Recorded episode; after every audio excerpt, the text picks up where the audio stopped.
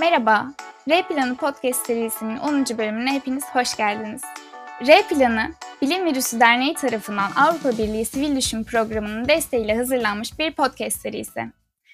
Bu kaydı dinleyen birçok insanın bilim virüsüyle zaten tanıştığını varsayıyorum.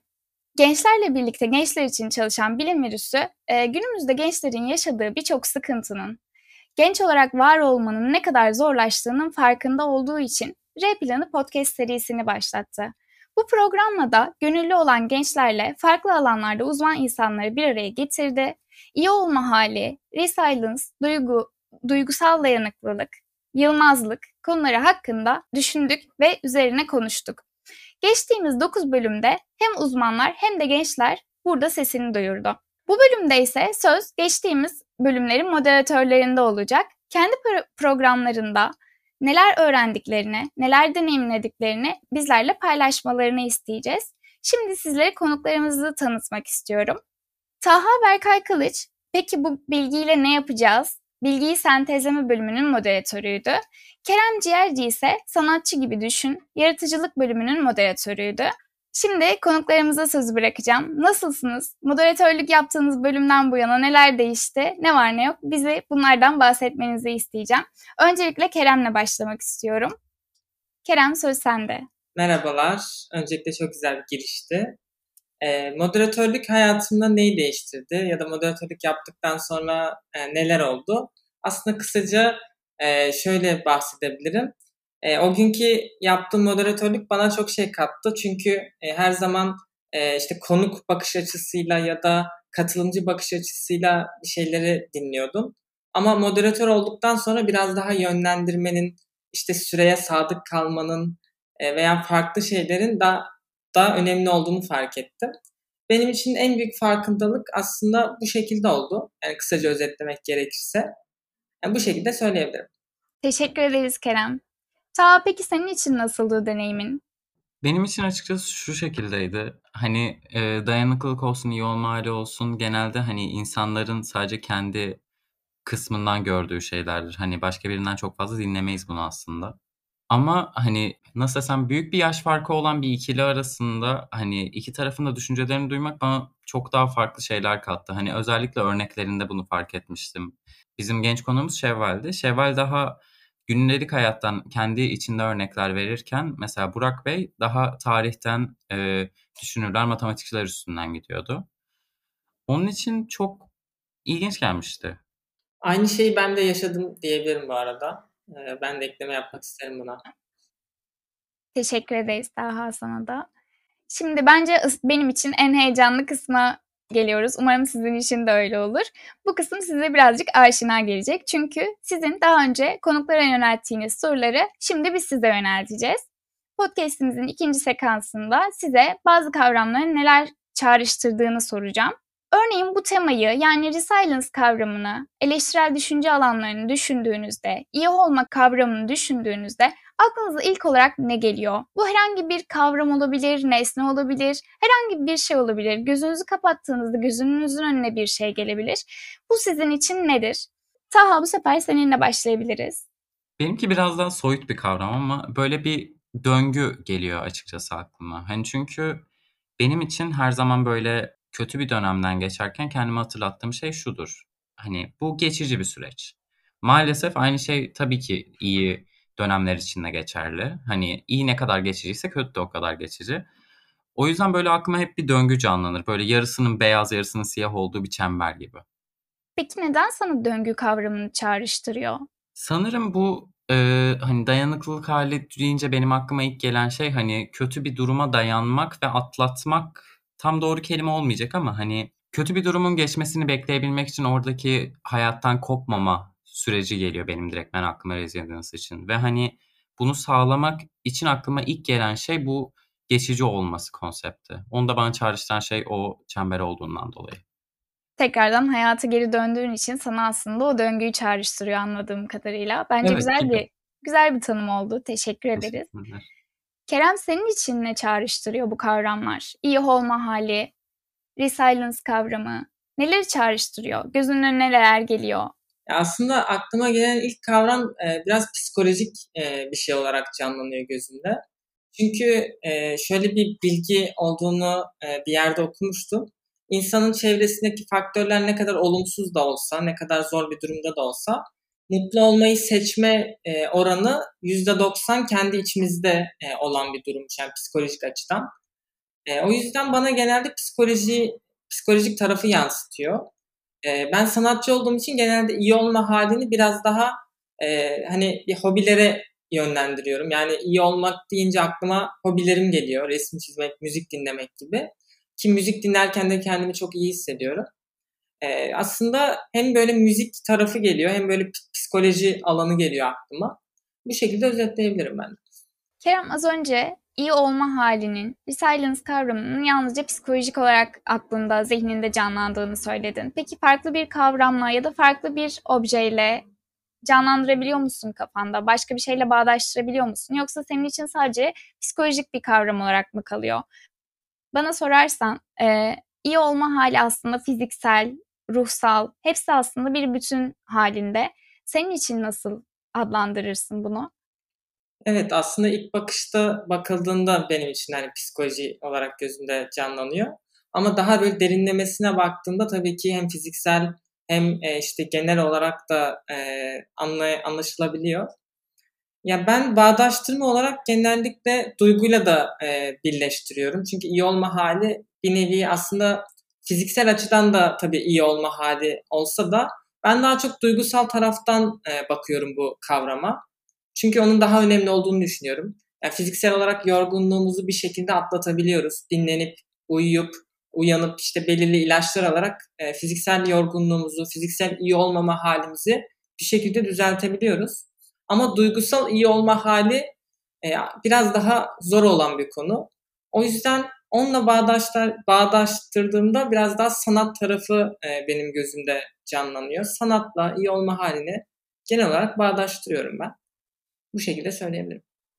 Sanat senin terapi yöntemin anladığım kadarıyla. Bence çok güzel bir cevaptı. Teşekkür ederim. Podcast'imizin üçüncü kısmındaysa size bazı sorular yöneltmek istiyorum. Bu sorulara vereceğiniz cevaplar üzerinden uzun bir sohbet gerçekleştireceğiz. İlk soruyla başlamak istiyorum. Kendinizi moderatörken nasıl hissettiğinizle ilgili olacak ilk sorum. Sizce R planında moderatör olmak nasıl bir deneyimde? Taha seninle başlamak istiyorum. Şöyle aslında ilk konuştuğumda da biraz daha üstesinden geçtim bunun ama başka fikirleri nasıl desem genel olarak iyi olma hali adı altında hani resilience kavramı adı altında konuştuğumuz insanlar hep yakın çevremiz olduğu için e, birebir de bireysel olarak tanımadığınız insanların seviyesinde hani onlar nasıl oluyor, nasıl kendini daha iyi hissediyor, neylerden kötü hissediyor. Bunları görmek bir noktada iç açıcı da oldu. Özellikle dediğim gibi yaş farkından dolayı. O yüzden benim için çok ilginçti. Hatta özellikle şeyde şaşırmıştım. Hani aslında çok şaşırılacak bir şey değil ama hani birebir de duyduğunuzda böyle bir daha aa demek ki başkaları da yapıyormuş dediğim bir şeydi. Ben de kendimi kötü hissettiğimde genelde yürüyüş yaparım. Ee, bizim uzman konuğumuz Burak Bey bunu söylemişti. Şey oldum. Aa demek ki hani belki de yürüyüşümde karşılaştığım bir insan ve hani aynı sebepten aynı şeyi yapıyoruz aslında. İlginç gelmişti o yüzden. İyi olurken bile aslında bazı ortak noktalarımız olduğunu keşfetmişiz. Bence çok güzel bir deneyim olmuş senin için. Kerem senin için nasıl bir deneyimdi? Sorumu tekrarlayabilirim. Sence R planında moderatör olmak nasıl bir deneyimdi senin için? Ya öncelikle çok güzel bir deneyimdi.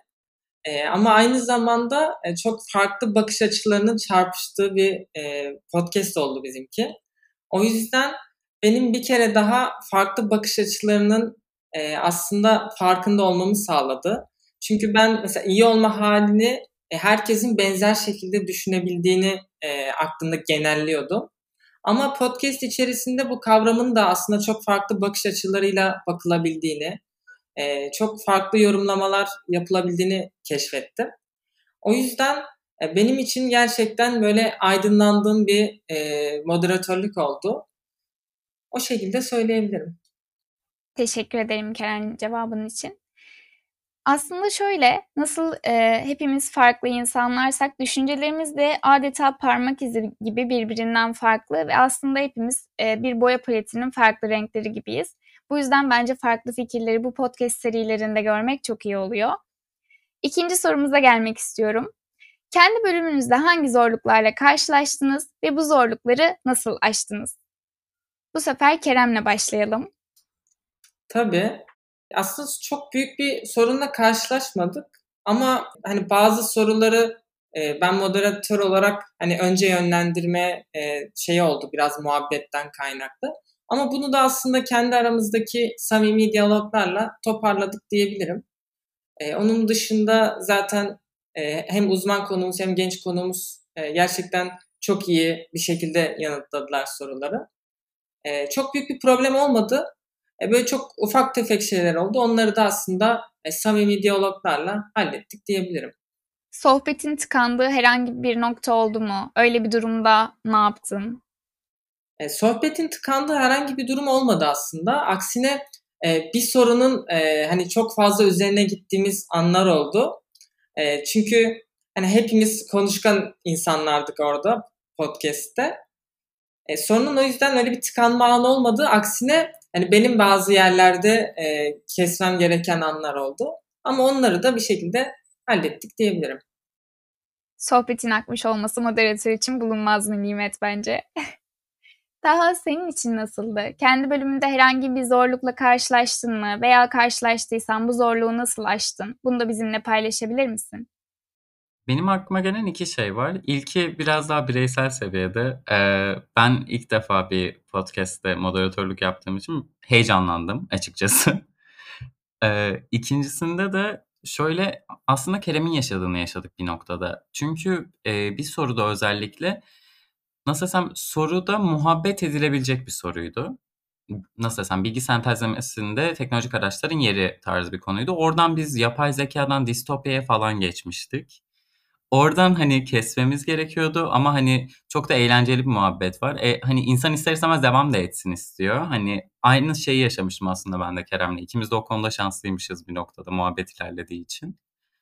Onun dışında minik teknik aksaklıklar oldu ama hani çözülmeyecek şeyler değildi.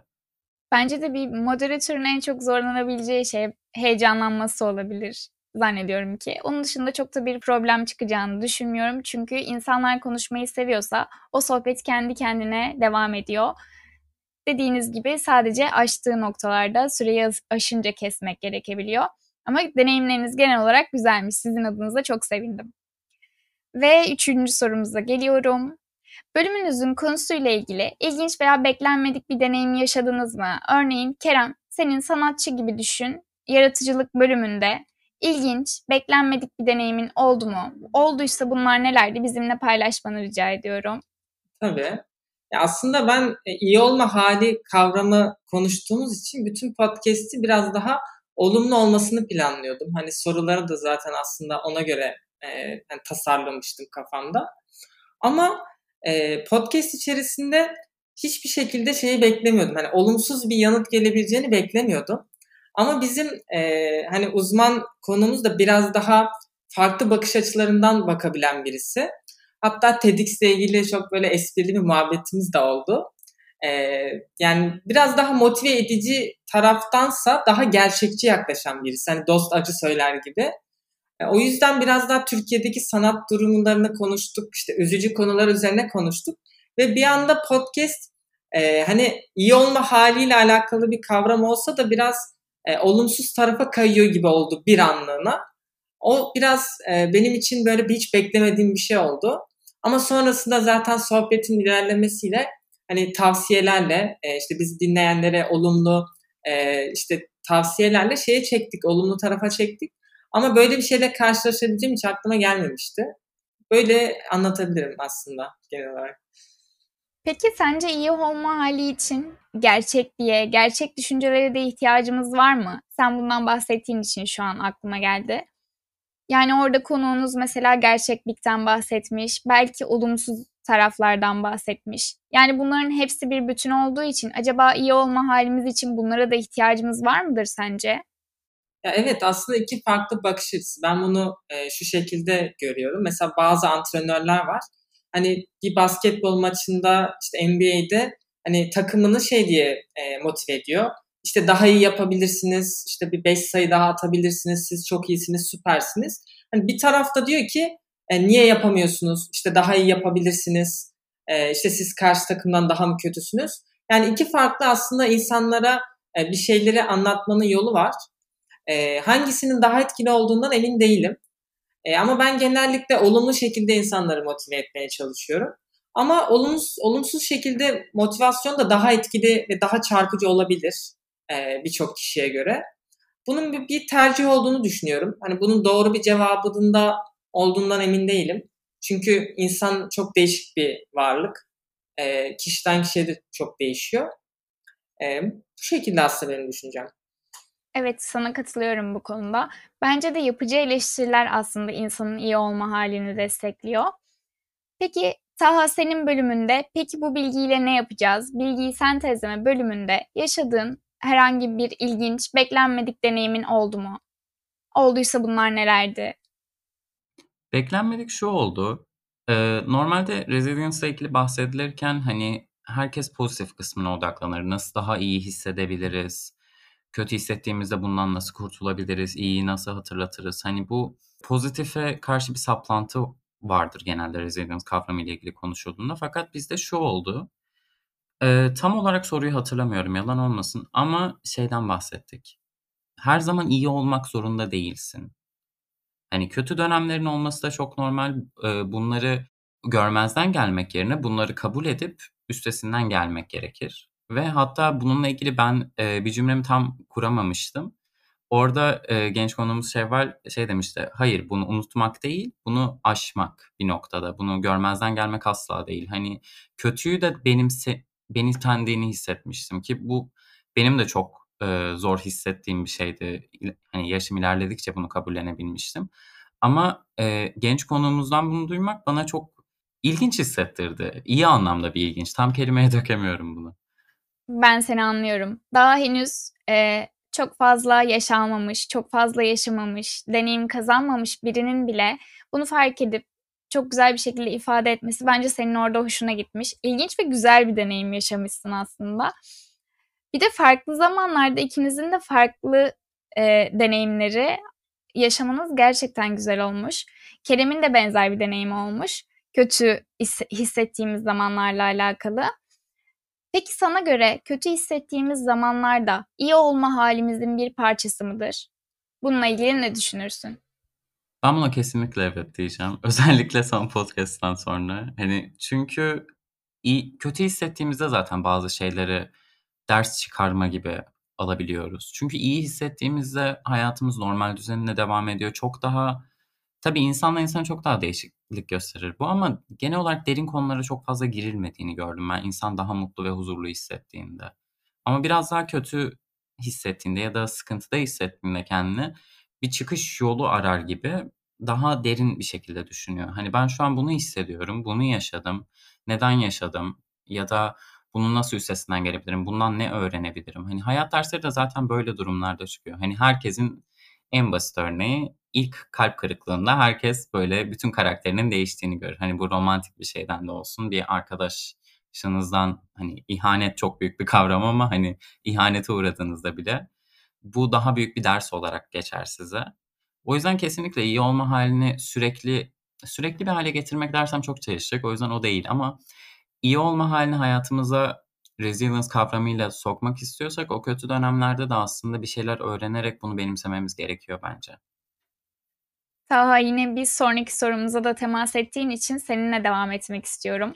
Moderatörlük deneyiminizden sonra kendi bölümünüzle ilgili düşüncelerinizde veya bakış açınızda herhangi bir değişiklik oldu mu? Bunu soracaktım ve sen aslında buna birazcık değindin. O bölümden sonra, son podcast'ten sonra düşüncelerimde değişiklikler oldu dedin. Nasıl değişiklikler oldu bakış açında, düşüncelerinde? Bunu bizimle paylaşabilir misin? Ya şöyle, hani aslında tam olarak az önce dediğim şey oldu. Hani kötüyü e, biraz daha ben bu ilk başta dediğim şeyden hatta döngüden bahsetmiştim bir kavram oluşturuyor mu dediğinde.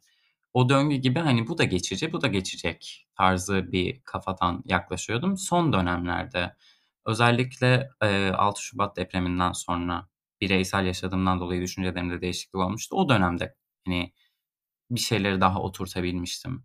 Evet kötü dönemler olabilir. Kötü dönemlerini illa geçici olarak görmene gerek yok. Bunları bir parça olarak görmen gerekiyor. Ama bu tabii daha yeni yeni oturduğu için ben de e, bunu kabullenmek daha zordu. Fakat podcast'te nasıl desem kırılma noktası gibi demek istemiyorum ama e, bir şeyleri tam olarak parçaları yerine oturttu başkasından da bunu duymak.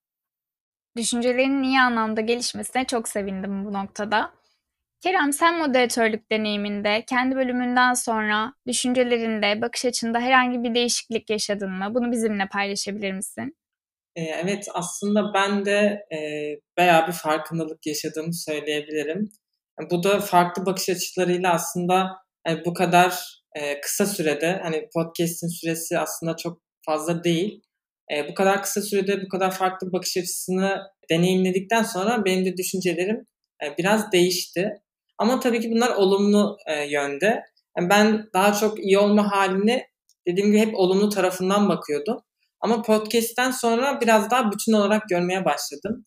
E, çünkü hani bir karanlığın olması için ışığın olmaması gerekiyor aslında. E, burada birbirini bu kadar tamamladığını e, bu moderatörlük sürecine kadar o kadar derinlemesine düşünmemiştim.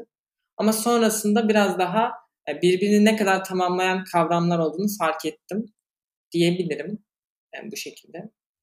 Farkındalıkların için çok mutlu oldum. Çünkü belki de hani sadece iyi tarafından baktığın bir şey varken artık önünde bir bütün var. Yani parçaların birleştiğinde aslında bir bütünü oluşturduğunu fark etmişsin. Bunun için çok mutlu oldum. Peki kendi bölümünüzdeki konuşmacılar veya konular hakkında en çok aklınızda kalan şey neydi? Ne öğrendiniz buradan? Bunu bizimle paylaşmanızı istiyorum. Taha seninle devam edebiliriz. Bizim bölümümüzde şu olmuştu. Ee, dediğim gibi uzman konumuz genel olarak tarihten örnekler veriyordu. Ve ben hiç o yönden bakmamıştım açıkçası Resilience'a. Hani tabii ki bazı figürlerde gerçekten çok büyük bir azim, kararlılık dediğim oluyordu. Ama e, böyle tarihi figürler hep daha ilahlaştırılır ya. Düşünürler olsun, matematikçiler olsun. Hani şu anki literatüre veya dünyaya herhangi biri bir şey kattıysa kullanılan genel olarak böyle bir ilahlaştırma, bir e, üste üste görme tarzı bir bakış açısı olur. Fakat hani günün sonunda bu insanlar da birer insan. Ve hani şeyi hiç fark etmemiştim ben. Bu insanlarda gerçekten çok büyük bir dayanıklılık olması lazım. Ve bu sadece biz ilahlaştırdığımız için normal bir şekilde süre gelen bir şey değil. Bunların bu insanların da hayatta yaşadıklarından dolayı gelişen bir dayanıklılık var ortada. O tarz bir bakış açısı kattı bana. E, tarihi figürlerin de günün sonunda dayanıklılığı yüksek birer insan olduğu aslında sadece. Peki kendi bölümünden aklında kalan bir cümle varsa ya da bizimle paylaşmak istediğin böyle bir dipnot varsa ya da özlü söz de olabilir. Oradan şunu çıkardım ve bunu bir hayat mottosu haline getirdim şeklinde bir cümlen varsa onu bizimle paylaşabilir misin? Cümle olarak galiba az önce bahsettiğim şey çok fazla değinmiş olacağım ama Şevval'in bana hayır bunu e, geçmek değil bunun üstesinden gelmek dediği o şeyi hani aklımda çok kaldı açıkçası. Teşekkürler bunu bizimle paylaştığın için. Artık bizim de aklımızda kalacak. Kerem, senin kendi bölümündeki konuşmacılar hakkında ya da konular hakkında en çok öğrendiğin şey, en çok aklında kalan şey neydi? Ve senin de yine aynı şekilde aklında kalan bir cümle, bir motto varsa bunu bizimle paylaşabilir misin? Tabii. Benim en çok aklımda kalan şey şu oldu. Ben her zaman e, iyi olma halimi biraz daha hani birisini mutlu etmek gibi düşünüyordum. Yani bir palyaçonun birilerini mutlu etmesi gibi bir kavramla e, aslında gözümde canlandırıyordum. Hani sanat tarafında da e, sanat çok fazla konuştuk biz podcast'in içerisinde. Hep sanatçının diğer insanları ne kadar işte mutlu edebileceği üzerine e, düşünüyordum. Orada uzman konuğumuzla konuşmadan sonra aslında en çok aklımda kalan şey şu oldu. Hani insanları mutlu edebilmek için aslında sanatçının kendisinde iyi olması lazım. Ee, burada iyi olma halini sadece insanlarla paylaşmak değil, iyi olma halini öncelikle kendimizde hallettikten sonra bunu yapmanın daha mantıklı olduğunu konuştuk. Yani aslında e, iyi olma halini e, öncelikle kendimizde başlatmalıyız. E, benim en çok aklımda kalan e, kavram bu oldu e, bizim podcast'te. Bunun dışında zaten e, bizim e, uzman konumuz da çok fazla sanattan, tarihten örnekler verdi.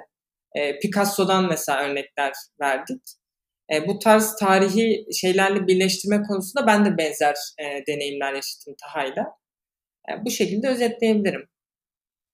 Sen bunları söyleyince benim aklıma şu geldi. Uçakta anneler ilk önce kendilerine maske takıp daha sonra çocuklarına takması gerekiyor. Yani senin de aslında dediğinden şunu çıkarıyorum ki başkalarına iyi gelebilmemiz için öncelikle kendimiz iyi olmalıyız.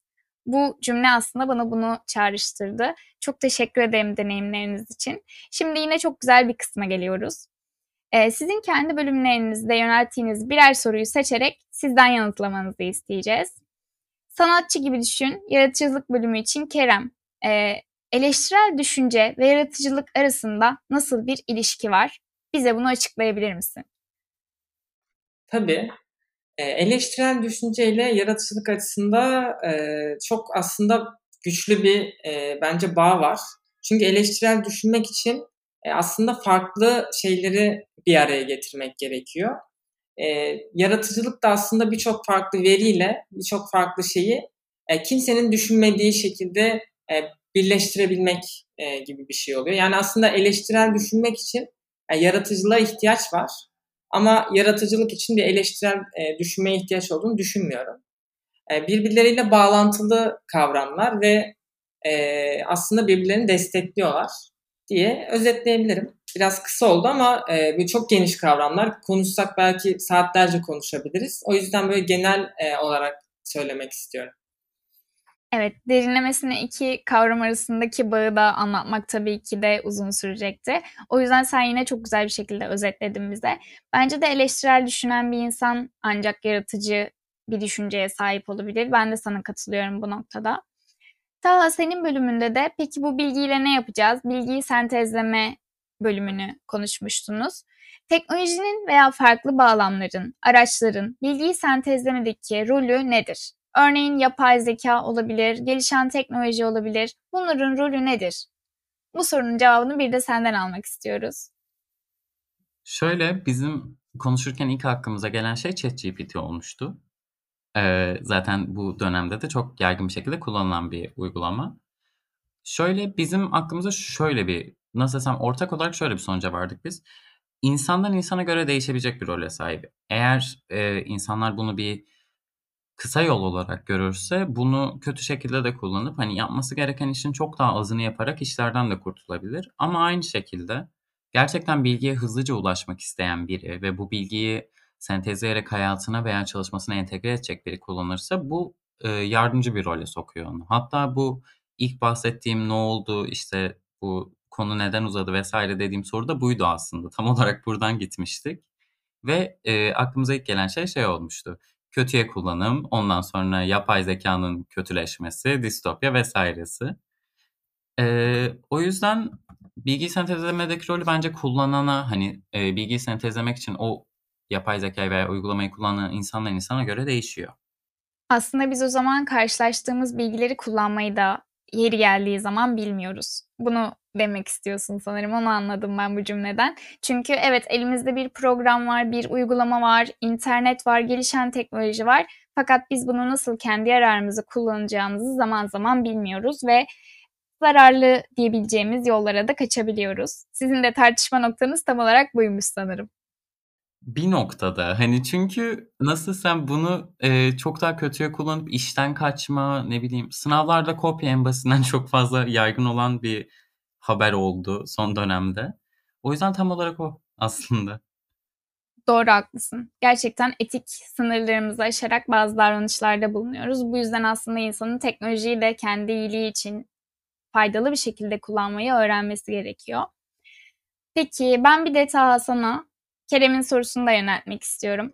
Eleştirel düşünce ve yaratıcılık arasında nasıl bir ilişki var? Benim bunu düşününce aklıma hep e, şey geliyor. Yaratıcılık deyince aklıma zaten hep iki sanat canlanır. Eleştirel düşünce deyince de özellikle bu Fransız devrimi sonrası tablolarında bir baş kaldırı gözükür sanatta. Ve hani bu eleştirel düşünceye sahip olmayan birinin yapabileceği bir dışa vurum değil. Ve çoğu e, bilindik, dünyaca tanınan müzede özel olarak sergilenen tablolar da genel olarak bu e, spektrumdan ilerler, bu tarz konuları e, işler. Eleştirel düşünceye sahip olmayan biri dışa vurumunda ve yaratıcılığında bence sıkıntı yaşar. O yüzden ikisi de birbirini besler gibi düşünüyorum. Çünkü yaratıcı biri eleştirel düşüncesi den çok daha fazla şey çıkarım yapar ve çok daha fazla yaptığı çıkarımla yaratıcılığı da artar bir noktada diye düşünüyorum. Benim aklıma ilk girişimciler geliyor mesela burada. Çünkü eleştirel bir bakış açısıyla yaklaşıp problemleri gördükleri için yaratıcı bir süreç başlatıp yepyeni bir dünya, yepyeni bir proje ortaya çıkarıyorlar. Bu da bence onların bu iki kavramı sentezlediği nokta oluyor. Benim aklıma direkt bunu çağrıştırıyor mesela.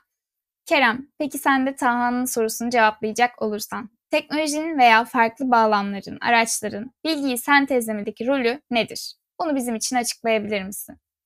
Ya benim ilk aklıma gelen kavram hız oluyor. Çünkü e, bilgiyi sentezleme dediğimiz şey aslında biraz da bununla ilgili olduğunu düşünüyorum. Çünkü geçmişte hani kitaplarla çok fazla işte uğraşan meslekler vardı. Ama şu anda e, bir arama şeyiyle, yazılımıyla yani kontrol F yaparak istediğimiz şeyi e, kitaplar içerisinden hızlıca bulabiliyoruz. E, ben burada sentezleme tarafında teknolojinin bilgiyi hem erişim tarafında hem yorumlama tarafında çok fazla hız kazandırdığını düşünüyorum. Bu ChatGPT konusuna kısaca ben de gireceğim. Yani eskiden bilgi çok fazla önemli bir şeydi. Günümüzde de önemli. Ama bence artık o kadar fazla bilgi oldu ki dünyada e, artık onları yorumlamak daha önemli bir hale geldi. Burada da teknolojik bir şeyle fark yaratabiliyoruz. Çünkü gerçekten herkes birçok şeyi biliyor. Ama bu bildiklerini aslında faydalı bir şeye dönüştürmek, onu bir girişime çevirmek, insanlara o bilgiyle faydalı olabilmek işte o kısımda artık teknoloji bence gerekiyor. O sentezleme için e, teknoloji kullanmadan e, sentezlemek şu dönemde ben çok zor olduğunu düşünüyorum. E, bu yüzden e, bilgileri sentezleme açısından teknolojinin hem hız hem de e, daha faydalı olması açısından kullanılması gereken bir şey olarak görüyorum. Evimizde eskiden ansiklopediler vardı ve bütün araştırmalarımızı aslında onlar üzerinden gerçekleştiriyorduk. Şimdi eminim ki birçoğumuzun evinde onun yerine bilgisayarlar almıştır. Peki sizce bu durum bizim zihinlerimizi köreltiyor mu? Bu kazandığımız hız bizim düşünme, eleştirel düşünce, yaratıcılık yanlarımızı köreltiyor mu sizce? Bunlara da kısaca cevap alabilir miyim? Burada ben yaratıcılıktan şöyle e, kısaca girebilirim konuya istersen. E, Tabii lütfen. Şu dönemde çok fazla hızlı olmak yaratıcılığı bence olumsuz etkiliyor. E, çünkü dikkat ekonomisi denen bir kavram var. E, artık bir şeylere katlanamıyoruz. Yani bir video eskiden işte 5 dakika bir video izleyebiliyorken şu an işte 10. saniyesinde hızlandırmaya başlıyoruz. İşte videoları izleyemiyoruz. E, bu da aslında bazı ihtiyacımız olmayan bilgileri almamamız anlamına geliyor. Ama yaratıcılık e, şöyle bir kavram. Her e, yaratıcı şeyi üretmek için aslında hiç ihtiyacın olmadığı bir bilgiyi de öğrenmen gerekebiliyor. Bununla ilgili çok e, ünlü bir matematikçinin sözü vardı. Eğer sadece bilmen gerekenleri e, bilirsen sadece başkalarının yaptıklarını tekrar edebilirsin diye. Eğer bilmen gerekenden daha fazlasını bilirsen işte o zaman yaratıcı bir şeyler çıkartabiliyorsun. Bu yüzden ben yaratıcılığı bu tarafta e, olumsuz etkilediğini düşünüyorum diye e, söyleyebilirim. Ta sen ne düşünüyorsun? Bence şöyle, bilgiye kolay ulaşım sağladığında insanlar bilgi değersizleşiyor bir noktada. Hani çünkü öncesinde senin de dediğin gibi ansiklopedilerden özellikle bilgi bakıldığında bir bilgiye erişilmek istediğinde bu çok daha uzun bir süreç oluyor ve insanlar bunun için bir e, öncesinde araştırma yapması gerekiyor. Öncesinde ansiklopediden e, hangi bölüme neyden neyi bakacağını, nasıl araştıracağını bilmesi gerekiyor. Fakat şu anda özel olarak soruyu yönlendirebildiğimiz için herhangi bir platforma bu Google'ın kendisi de olabilir, ChatGPT gibi yapay zeka programları da olabilir. Bilgiye ulaşım çok daha kolay. E bu kolaylık bir noktada insanların daha az şeyle nasıl desem daha az düşünerek ulaşmasını sağlıyor. E bu bir noktada yaratıcılığı da köreltiyor. Çünkü öncesinde hangi ansiklopediden hangi bilginin nesini bulabileceğini düşünmesi için insanların bir noktada o ansiklopediler hakkında veya o konular hakkında da ayrıyeten bir bilgisi olması gerekiyordu ve e, neye nasıl bakacağını da bir noktada yaratıcılığa da bakıyor bence bu araştırma süreci. Fakat şu anda böyle bir şey yapmamıza hiç gerek yok. Direkt sorularla çoğu bilgiye ulaşabiliyoruz çünkü. O yüzden bence köreltiyor ya. Bence de. Artık bir tuşa basarak her şeyi öğrenmek sanki bizim birazcık yaratıcılığımızı, eleştirel düşünme özelliklerimizi geri planda bıraktı. Bu sohbet benim gayet ufkumu açan bir sohbet oldu. Bunun için size teşekkür ediyorum. Şimdi asıl güzel kısma geliyoruz. Bu kadar üzerine konuştuğumuz R planında sizin R planınız ne? Ben bunları merak ediyorum. Kerem seninle başlamak istiyorum. Tabii. Ya ben kötü hissettiğimde aslında e, bazen hiçbir şey yapmıyorum. E, bu da bizim podcast'imizde aslında benim e, öğrendiğim bir şey de oldu. Bazen hiçbir şey yapmamak da bir şey yapmak e, olmuş oluyor. Burada böyle bir paradoks oluşuyor. Bazı zamanlar R planım hiçbir şey yapmamak oluyor. Böyle tamamen hayatım boyunca hiç değişmeyen bir R planım yok. Dönemden döneme değişiyor. Ama genellikle bir sanatçı olduğum için müzik dinlemek, işte kitap okumak gibi kavramlar beni e, en çok iyi hissettiren şeyler. O yüzden benim R planım biraz daha hobilerime odaklanmak e, diye söyleyebilirim. E, bu şekilde bir R planım var. Ama hiçbir şey yapmamanın da bir R planı olabileceğini fark ettim ve bundan sonra da kullanmayı planlıyorum. Son cümlen özellikle çok hoşuma gitti. Taha senin R planın ne peki? Benim de aslında Kerem gibiydi önceden. Hani çünkü insan kötü hissettiğinde doğal olarak hiçbir şey yapmak istemez. Hatta benim en fazla yaşadığım sorun yemek yeme üstüneydi. İştahım çok kesilir kendimi kötü hissettiğimde. Ama şöyle bir plan geliştirdim ben kendime. Fark ettim ki hiçbir şey yapmadığımda daha büyük bir boşluğa giriyorum ben de. Ee, hani çünkü bir şekilde kafamı daha meşgul tutmam gerekiyor. Yoksa bu üstüne sürekli düşündükçe daha da açıkçası kendi kuyumu kazıyor gibi oluyorum bir noktada. O yüzden iki dikkat edeceğim şey şu olacak. Kendim bir şeyler yapmaya zorlayacağım. Ki bunda fark ettiğim çok ilginç bir e, gerçekten kötü hissettiğim dönemlerden çıkma yöntemi bir dövme yaptırmak oldu açıkçası. E, beklemiyordum bu kadar iyi hissettireceğini.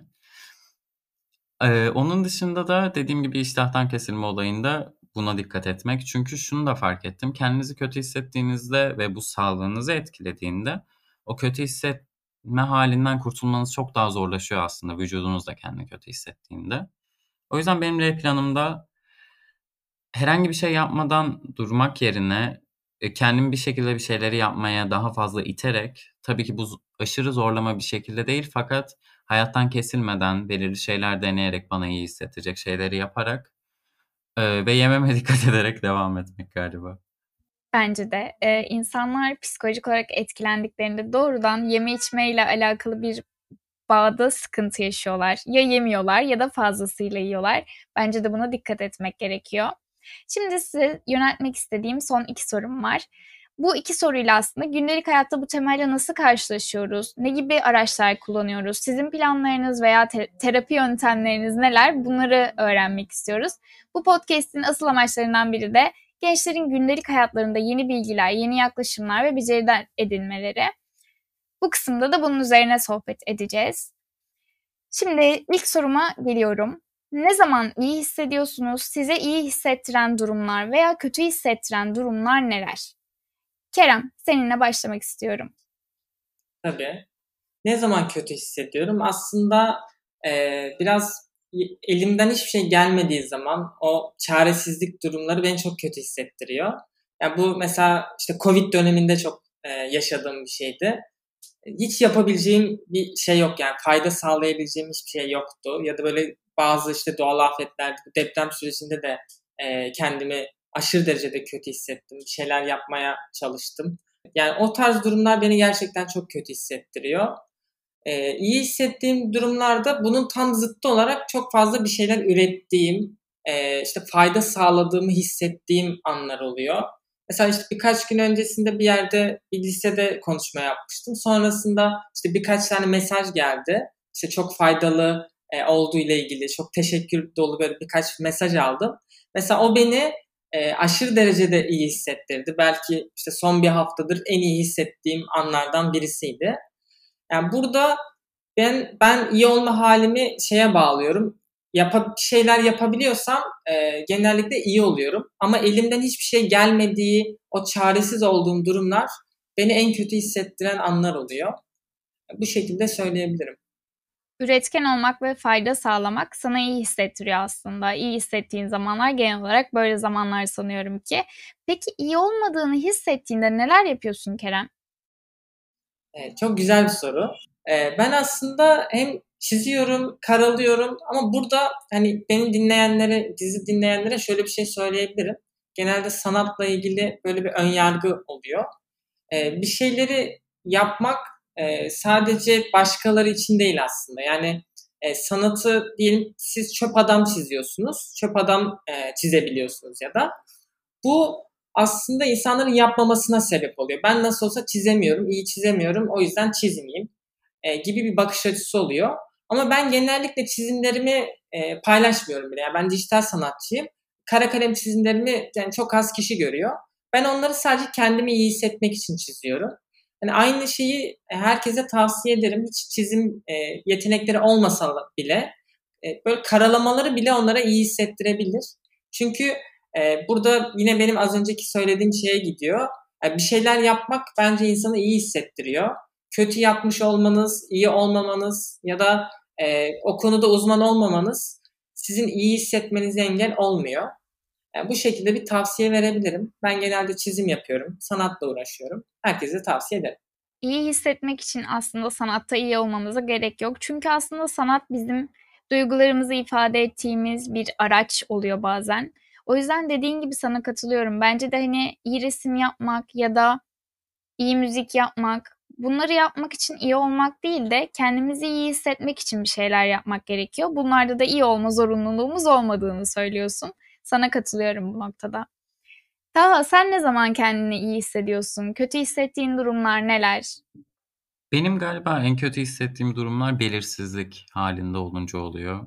Hani bir bu küçük bir plan da olabilir. Mesela o akşam arkadaşlarımla dışarı çıkacağım. Çıkacak mıyız, çıkmayacak mıyız? Son 10 dakikada hala belirsizse ben de çok garip bir e, ruh haline sebep oluyor bu. Kötü hissetme sebebim hem belirsizlik bir de en çok fark ettiğim eğer yapmam gereken bir şey varsa ve bunu sürekli olarak erteliyorsam bu bende rahatlıktan ziyade hani zamanım olsa bile onu yapmaya sürekli kafamın arkasında benim bunu yapmam gerekiyor şeklinde kendime sürekli söylediğimde kötü hissettirdiğini fark ettim. İyi halde aslında buradan geliyor bir noktada. Biri çok alakasız olarak ben soğuğu çok severim. Havalar soğuduğunda ve yağmurlu bir hava gördüğümde çok mutlu olurum. Bir o e, dışarıyla ilgili. Aynı şekilde ama bu durumla ilgili de o sürekli ertelediğim, ertelediğim şeye başladığımda yani küçük bir şey bir kısmını bile yaptığımda daha iyi hissettiğimi fark ettim. Ve belirsizlik konusunda da şunu kabullenebildiğimde daha iyi hissettiğimi fark ettim. Belirsizlik olması gereken bir şey zaten hayatınızda. Özellikle bu lise çağından itibaren çok daha fark edilen bir şey bence. E, çünkü üniversiteye yeni geliyorsunuz, bölümünüzden ne yapacağınız belli değil. Üniversitedeki kariyerinizde devam edip et, devam etmeyi isteyip istemeyeceğiniz belli değil. Bu yüzden gelecek hayatınızla ilgili çok büyük bir belirsizlik var ama şunu kabullenmek gerekiyor bence. Bu belirsizlik normal bir şey ve bunu kabullendiğinizde aslında daha da iyi hissediyorsunuz. Güzel. Sen genel olarak hayatı planlı yaşamayı seviyorsun ve senin planlarını, programlarını aksatan belirsizlikleri sevmiyorsun. Ama bunlar için de kendine bir çözüm bulmuşsun. Peki iyi olmadığını hissettiğin bu durumlarda genel olarak neler yapıyorsun? Evet bir orada bir çözüm önerisi sundun ama bu kendince bulduğun bir çözüm. Biz gençlere mesela neler tavsiye edersin? İyi olmadığımızı hissettiğimizde neler yapabiliriz? Sen neler yapıyorsun? Şöyle kendinizi iyi hissettirecek şeyler önerebilirim. Yani bu çok genel bir tavsiye ama benim için bu mesela hobilerden yürüyüş yapmaktı, müzik dinlemekti ve bence belirli bir noktada şu da yardımcı oluyor ama belirli bir nokta kısmının altını çizmek istiyorum. O mutsuz hissettirecek müzikler bir noktada o hissi kabullenme açısından bence çok yararlı oluyor. Ama aynı şekilde bu müziklerin vesairesinin e, o hisse daha fazla batmayı engellemek için bir noktada kısıtlanması da gerekiyor bence. O e, daha nasıl desem enerjisi düşük şarkıların dinlemeyi hepimizin çok sevdiği zamandan zamana. Müzik bence en iyi terapi yöntemlerinden biri. Yürüyüşü eğer denemediyseniz denemenizi çok tavsiye ederim. Bence çok rahatlatan bir şey. Ve aynı zamanda sürekli olarak bence insanın kendine hatırlatması gereken bir şey. Hayatta hiçbir şey kesin değildir. Ya da herhangi bir şey oldu diye hayatım kesin bitecek diye bir şey bence yoktur. Hani gelecek çok daha farklı ilerleyebilir sizin için. Hani iyi yanında bu, bu aslında belirsizliğin. İstediğiniz şekilde şekillendirebilme opsiyonunuz. Bunları diyebilirim. Bu güzel tavsiyelerin hepsini deneyeceğim ben de.